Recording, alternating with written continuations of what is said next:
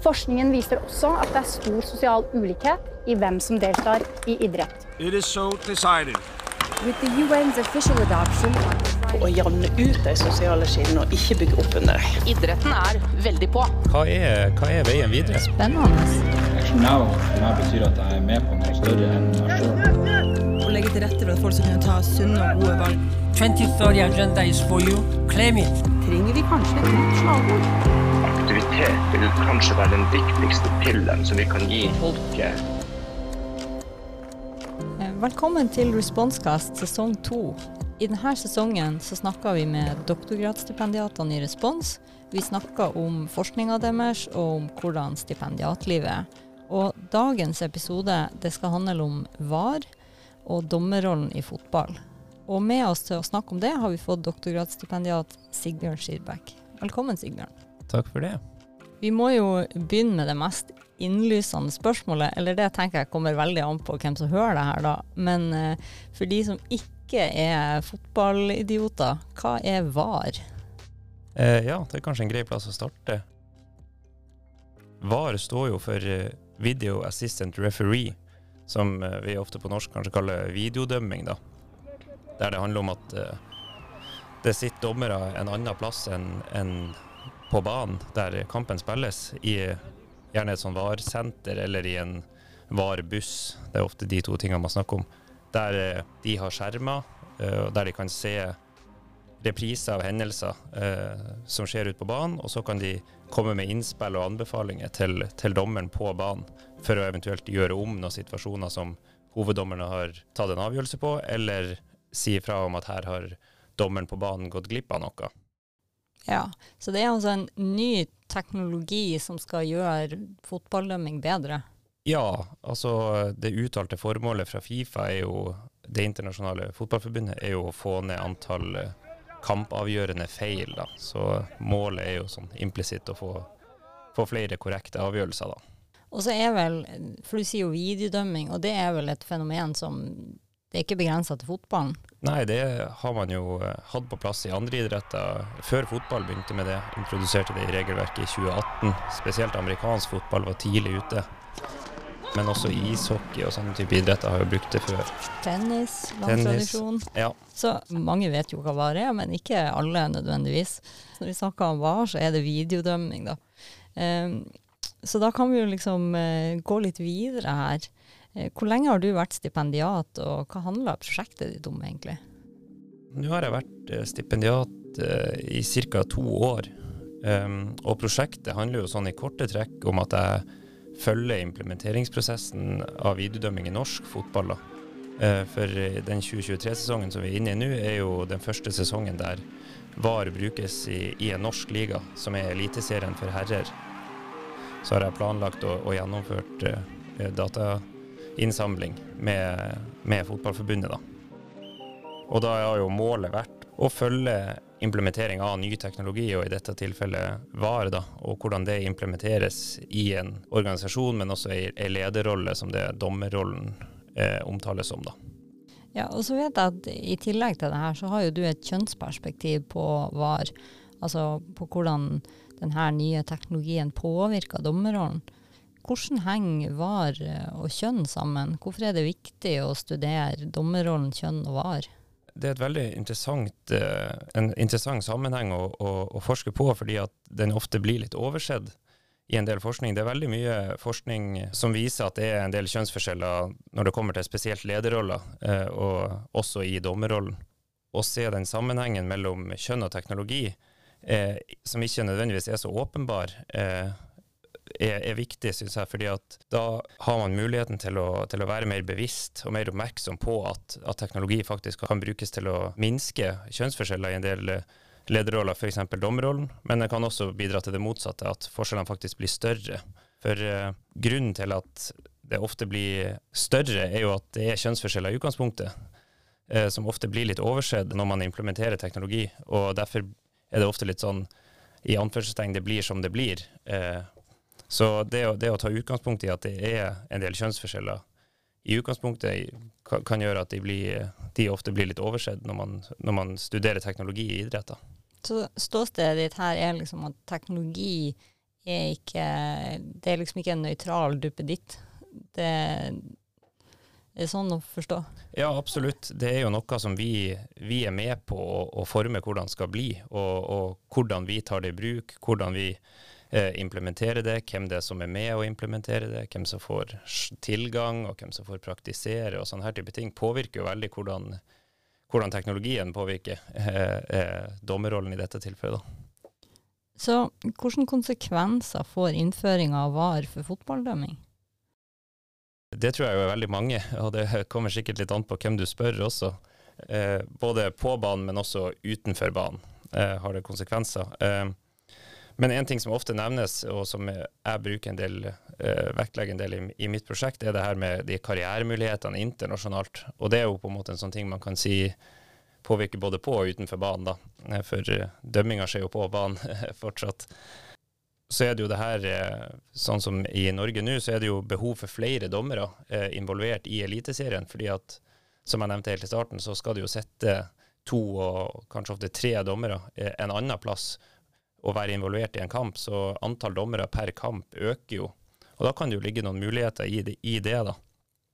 Og så er det jo en sånn generell oppfatning om at det her er ei satsing på dommere. Eh, sånn at det oppleves jo av mange som en sånn profesjonalisering av, av dømming og, og, dommerrollen.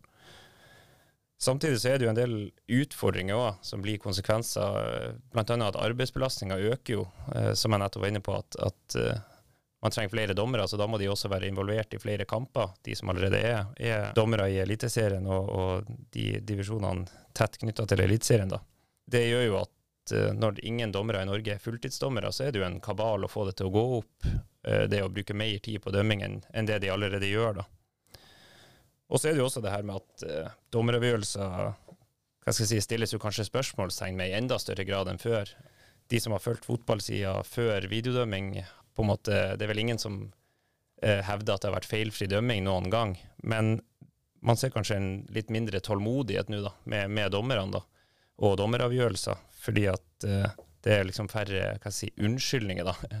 Det, man kan ikke lenger si at uh, det går for fort, eller uh, dommeren hadde dårlig vinkel og sånn, fordi at det er jo liksom det videodømming skal være med å, og hjelpe til med, da. Så det her med autoriteten til, til en hoveddommer da, kan jo òg være en sånn konsekvens av innføring av videodømming, at, at, den er litt under utfordring, da. Både fra TV-seere og supportere og si, trenere og, og spillere, men også andre dommere, da. Det er jo dommere som er sitt som videodommere i tillegg, så det blir jo en sånn forhandling mellom de òg som pågår, da. Men eh, hva med dommerne sjøl, da? Ditt prosjekt eh, handler jo nettopp om, om, dem. Hvordan opplever dommerne at eh, VAR påvirker rollen deres? Noen føler jo på en, på en større trygghet, fordi at uh, man tenker at man kan gå ut i forkant av en kamp når du er på tur ut på banen, så tenker du at i dag, hvis det skjer noe som en stor feil, så, så blir den retta opp. Så det at man får en sånn større trygghet i det, kanskje er man trygg på at man ikke gjør så mange store feil i utgangspunktet. Og så går det jo an at det er en del av de som føler på det motsatte òg. Altså, man kan jo føle seg litt overvåka og, og, på en måte litt utfordra av VAR. At man kjenner på et sånt stress at uh, har ikke lyst til at det skal skje noen VAR-situasjoner her i dag. For en VAR-situasjon betyr jo implisitt kanskje at man har oversett noe eller, eller gjort en feil. da. Er det noen kjønnsforskjeller da? Du intervjua jo både kvinnelige og mannlige dommere. Da, da, handler det kanskje mest om det på, på ut, utenfor banen, da, som jeg, jeg, har delt opp i mitt prosjekt. Da. For uh, det er kanskje litt med det her at uh, VAR som en sånn uh, si, positiv karrieremulighet. da. altså dette med å få muligheten til å dømme internasjonale kamper, f.eks. For, for der blir jo videodømming på en måte et krav for dommere nå, ettersom Fifa bruker VAR i stort sett alt av store mesterskap på herresida. Og også, ja, vi hadde jo nettopp et kvinne-VM der det var brukt VAR, og fotball-EM i fjor for kvinner hadde VAR. Så, så på både herre- og kvinnefotballen er det jo mer og mer videodømming internasjonalt. Det er klart, i Eliteserien for herrer i Norge så er det jo flest menn som dømmer, og da er det de som får praktisert VAR i større grad, og det er de som får mulighetene kanskje til å dømme internasjonalt, mens en del av de kvinnelige dommerne som har fått VAR-utdanning ikke nødvendigvis får praktisert så mye. da. Og det gjør jo at man på en måte øker arbeidsbelastninga, men kanskje får man ikke den positive karriereeffekten av det. da. Du var jo litt innpå det i starten her, at eh, kjønn og dommerrollen det er det jo forska en del på, og kjønn og ledelse sånn, også i andre idrettskontekster og utenfor idretten, det er jo et stort felt. Men hva vet vi fra tidligere forskning om kjønn og dommerrollen? Man har jo funnet ut en god del om det, ofte gjennom sånne hva skal jeg si, litt mindre studier som eh, tar for seg intervjuet med kvinnelige fotballdommere, og gjerne også kvinnelige fotballdommere i herrefotball, for å på en måte få deres opplevelser og erfaringer med å være dommer i hva skal jeg si, sånn maskuline miljø, eller være i, i miljø der de er i mindretall. For selv om man kanskje dømmer kvinnefotball, så er man ofte i mindretall som dommer innad i, en, i et fotballforbund eller en krets eller noe sånt. da. Så ofte så er det jo at man opplever forskjellige typer organisatorisk diskriminering og en del sånn kjønnsdiskriminering fra både spillere og trenere, men også litt sånn litt innad at uh, hva skal jeg si, oppfatninga av en dommer, og hva en dommer skal være, pass, passer på en måte best med, med si, store, sterke menn på en måte, og litt sånn autoritære, sånn tradisjonelle oppfatninger av kjønn. da. Mye av det samme egentlig som man finner med f.eks. trenere og kjønn og idrettspolitiske ledere og kjønn. Det er de samme utfordringene. Veldig mye av de samme type, type utfordringene som er funnet i disse typer studiene, ja. Men her kommer jo VAR inn, for her har vi liksom en sånn ny teknologi. Det skjer masse med fotballdømming og i andre idretter òg, som vi har vært inne på. Kan VAR bidra til å sikre flere kvinnelige toppdommere i fotball? Ja, det tror jeg. Absolutt. Men da tror jeg man må være bevisst på innføringa og hvordan eh, VAR som, som, en sånn ny teknologi kan bidra til det. da. For det er jo en del nye muligheter i VAR, hvis man skal snakke rent sånn dommerpraktisk. da. En del av de her studiene som vi har vært inne på nå, peker jo ofte på f.eks. en spesifikk ting som, som bare eh, kvinnelige sånn, ledere og dommere og, og, trenere går gjennom. Det er jo f.eks. graviditet og permisjon og på en måte det å være borte en periode i et sånn her type toppidrettsmiljø er jo ofte veldig vanskelig. Da kan jo på en måte VAR det å være videodommer, altså sitte i det VAR-studioet eller VAR-bussen, da. Altså at man kan være VAR når man ikke lenger klarer å på en måte oppfylle de fysiske kravene til å være på banen, og som en sånn comeback-mulighet, kanskje, for å komme tilbake igjen inn i miljøet og inn i det dømminga igjen, da, på en måte. Ja, det er jo en ganske spennende mulighet som sikkert ikke alle har tenkt på. Vi må snakke litt om stipendiatlivet også. Hvordan endte du egentlig opp som doktorgradsstipendiat?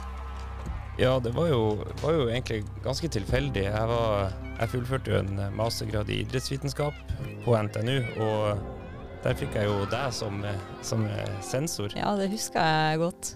ja, og da, da, sa jeg jo at jeg var litt usikker på hva jeg ville gjøre etterpå, men jeg syns det var veldig interessant det arbeidet med mastergraden og sånn. Du nevnte at det kanskje kom til å komme noen stillinger her på Nord universitet etter hvert. Uh, så da søkte jeg jo, og så endte jeg opp med å få tilbudet. Og som sagt, siden jeg ikke hadde noen andre planer, så var det jo lett å hive, hive flyttelasset i bilen og kjøre opp til Bodø igjen, da. Jeg husker veldig godt uh, muntlig eksamen din, fordi det her var jo uh, litt sånn uh, covid-tida, så det var digitalt. Så jeg satt i Bodø, og jeg tror du satt hjemme på gutterommet, fordi at bak deg så hang det et stort TIL-sjef på veggen.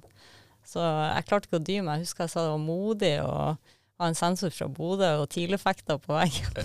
ja, ja, det var kanskje ikke det strategisk lureste, men det endte nå godt til slutt.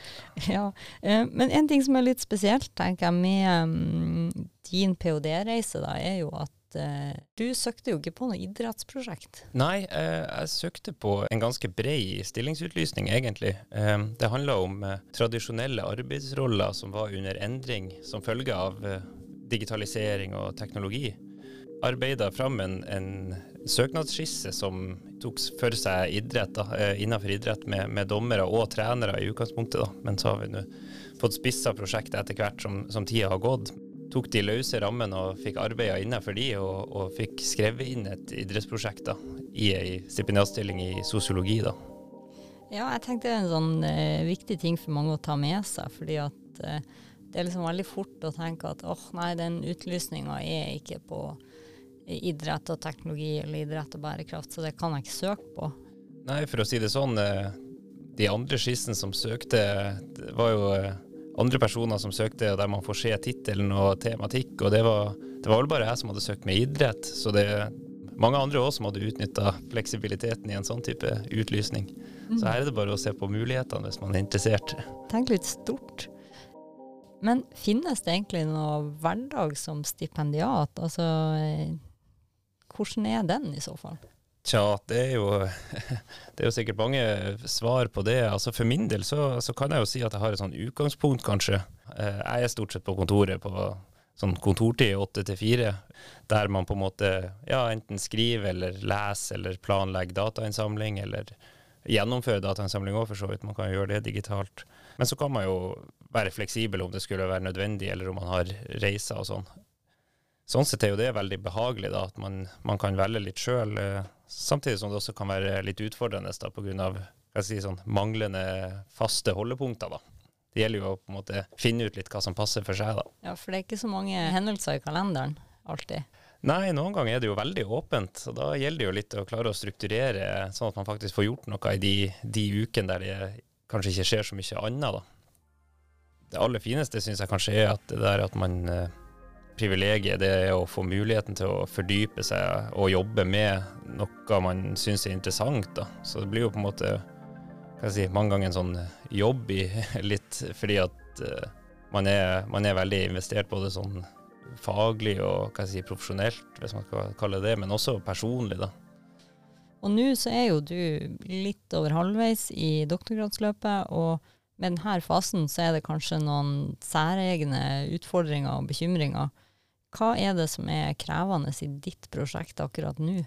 Det er jo mange forskjellige faser av doktorgradprosjektet, og, og f.eks. jeg nå jo, har jo gjennomført eh, den datainnsamlinga jeg har tenkt å, tenkt å gjøre i prosjektet. Så da opplever man kanskje det her, eh, jeg kaller det uendelige muligheter. For eh, man analyserer jo på en måte kontinuerlig, og man jobber mye med datamateriale, og det blir veldig mange sider tekst ofte. Og så skriver man kanskje ut noen ideer og, og tenker at nå vet jeg hva det her handler om. Dette er noe av det kjernen i doktorgradsprosjektet mitt. Men så ender man kanskje opp når man jobber videre med å skrive de ut, at man finner andre ting, eller ser andre sammenhenger, eller eh, oppdager noe nytt. da. Og da man, kan man fort føle at man er litt sånn tilbake til start, på en måte. da. Så, og så sitter man der kanskje og hva handler det her egentlig om? og så blir man spurt eh, hva, hva, jobber du med, og så er det vanskelig å svare. ja, du svømmer litt i et uh, hav av empiri. Ja, det er jo noe som heter å drukne i data, og det er kanskje det jeg har opplevd litt, da. ja, jeg tror det er, det er mange som kjenner på det. Men nå uh, når du uh, baler med dataen, og du er ferdig med datainnsamlinga, hva er de neste milepælene i prosjektet ditt?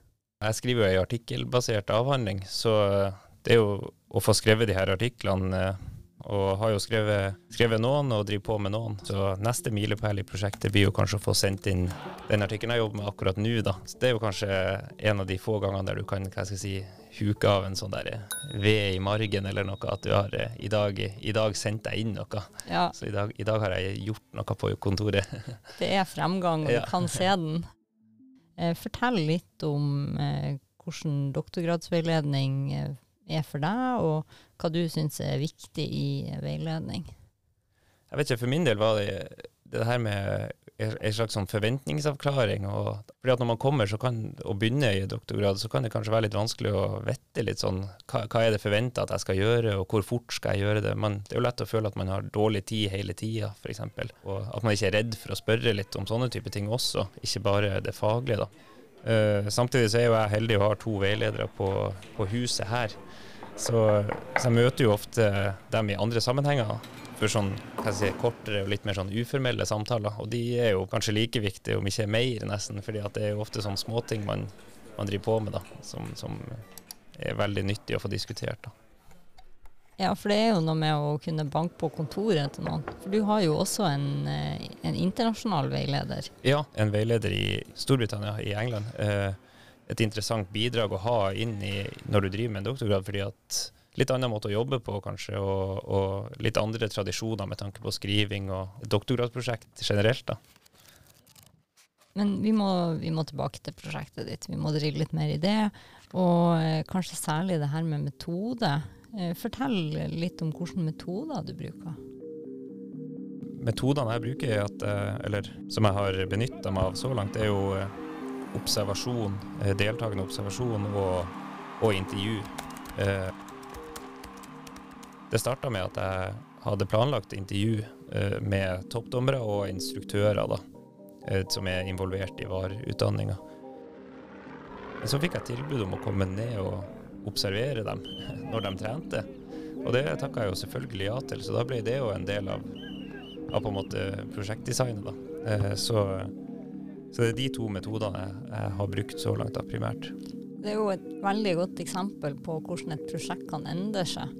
Nettopp fordi eh, du kommer eh, inn på de her informantgruppa, blir kjent med de, og så dukker det opp en mulighet som du ikke hadde tenkt på, eller du ikke var klar over i det hele tatt når du søkte. Ja, absolutt.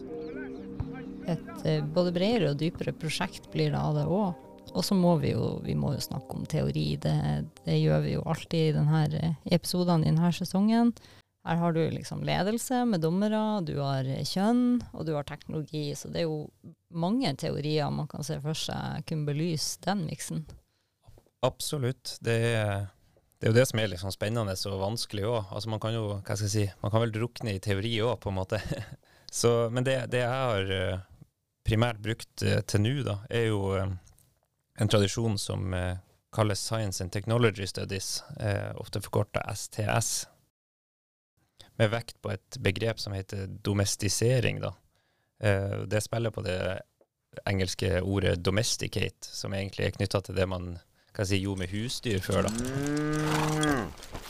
Det at man temmer husdyr, da. Så snakker man om det i, i forbindelse med teknologi istedenfor. At uh, man temmer teknologien, på en måte, da. Og hvordan, hva er det som skjer når man gjør det, og hvem er det som gjør hva, og hvem sier hva, og når og hvor skjer det, og, og sånne type ting, da. For å prøve å forstå hvordan vi, vi ender opp med å bruke en teknologi på den måten vi gjør, og hvordan konsekvenser det har.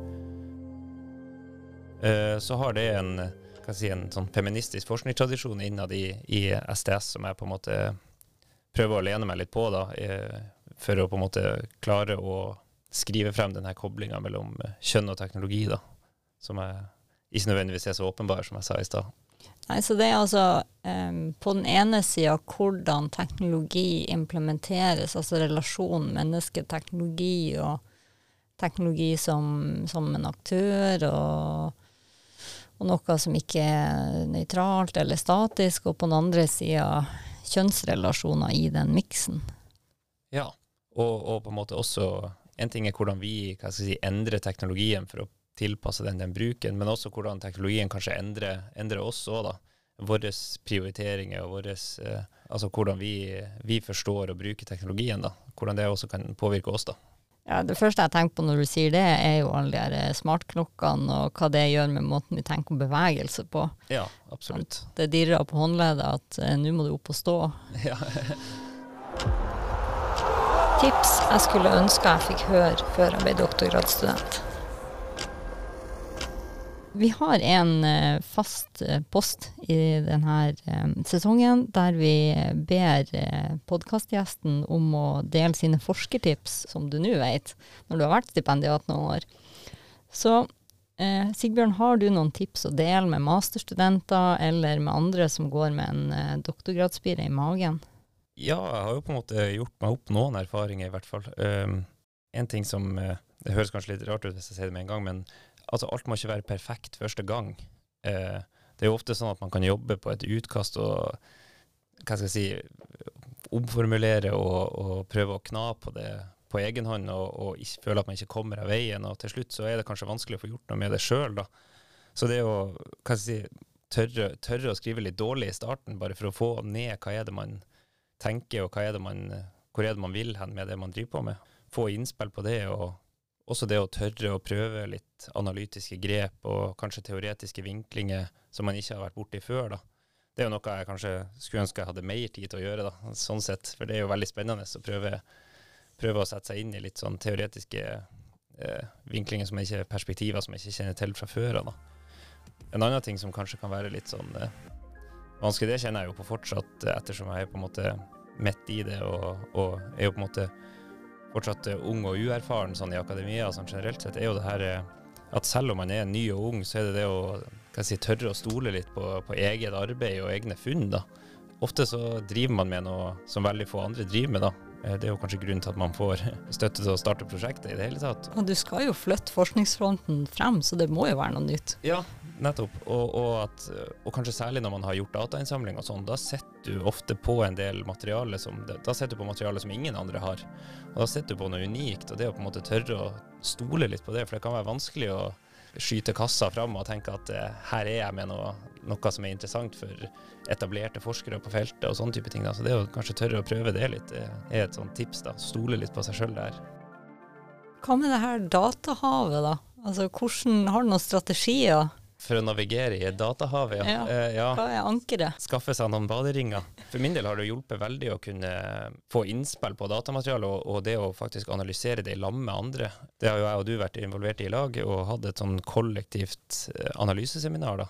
Eh, Faktisk for å få hva skal jeg si, noen andre sitt blikk på, på det samme datamaterialet. da, fordi at man har, gjør seg jo noen oppfatninger når for, for eksempel for min del, når jeg har vært den som har vært og observert og hva jeg si, jeg har jo møtt, Når jeg har møtt og intervjua de her informantene, så er det jo kanskje vanskelig å se på utfør eh, på en måte sin egen oppfatning av hvordan det, det intervjuet var, om du føler at det intervjuet var bra eller dårlig. så er det litt sånn, Har man gjort seg opp en del oppfatninger i forkant da, før man begynner å analysere det, rent sånn eh, praktisk. da. Så det å ha noen andre til å, til å hjelpe deg litt og strukturere hva er det de ser i datamaterialet her, og, og sånne type ting, det, vært, det tror jeg er lurt. Ja, og, og det du snakka om da med, med kollektiv analyse, og det som vi har gjort, det er jo eh, altså en metode. Det er jo et metodisk grep eh, som heter kvalitativ kollektiv analyse, som eh, Helga Eggebø på Nordlandsforskning har skrevet både flere artikler og, og blogginnlegg om. Så det, det kan vi absolutt anbefale. Det har vi jobba mye med i Respons, og ikke bare i ditt prosjekt, men i andre forskningsprosjekter. Men eh, nå, Sigbjørn, hva er veien videre? Hvis jeg skal se litt lengre fram, så er det jo Jeg har jo lyst til å selvfølgelig først komme i mål med doktorgraden, da. men eh, så håper jeg å få muligheten til å fortsette kanskje å forske på ja, teknologi og kjønn, da, som jeg syns er et veldig interessant forskningsfelt, og gjøre det innenfor idrett. Da, for jeg føler det er veldig mye som, som eh, kan og bør gjøres innenfor det feltet. da. Har du noe sånn ønsker Hva håper du å oppnå med prosjektet ditt? Jeg, håper jeg klarer å, å skrive fram den sammenknytninga mellom teknologi og kjønn på en sånn måte som gjør at både forskningsfeltet får mer øynene opp for det, sånn at flere kanskje eh, gjør forskningsprosjekter også utover idrett. Eh, og så håper jeg jo på en måte at eh, praksisfeltet da, eh, kanskje også kan bli litt bevisst på hvordan teknologi kan, kan benyttes. da, eh, Faktisk benyttes aktivt, og hvordan vi kan gjøre sånn at kjønnsforskjellene i idretten kanskje kan bli litt mindre i framtida, ettersom teknologi er på hva jeg si, Det blir vel ikke mindre teknologi på, på noen områder i idrett, sånn som vi, vi ser utviklinga i dag. da. Så jeg tror det kan være nyttig også utafor si, toppfotballdømming. da. Altså bruk teknologi, eller være bevisst på at man kan bruke teknologi som et verktøy for inkludering, og at det kan bli et verktøy for ekskludering hvis man bare er uoppmerksom. Ja, absolutt. Det er egentlig det, det hadde kanskje vært eh, det kuleste hvis man klarer å bidra til det. da. Eh, For det er jo på en måte praksisfeltet, det er jo der eh, si, tingene skjer. så, så det hadde vært artig. Ja, det er de vi forsker for. Eh, tusen takk eh, Sigbjørn til deg, og tusen takk til dere som hører på. Følg oss eh, der du hører på podkaster, så får du med deg neste episode. Da skal vi snakke om trenerrollen i barneidrett. Det er stor sosial ulikhet i hvem som deltar i idrett og fysisk aktivitet.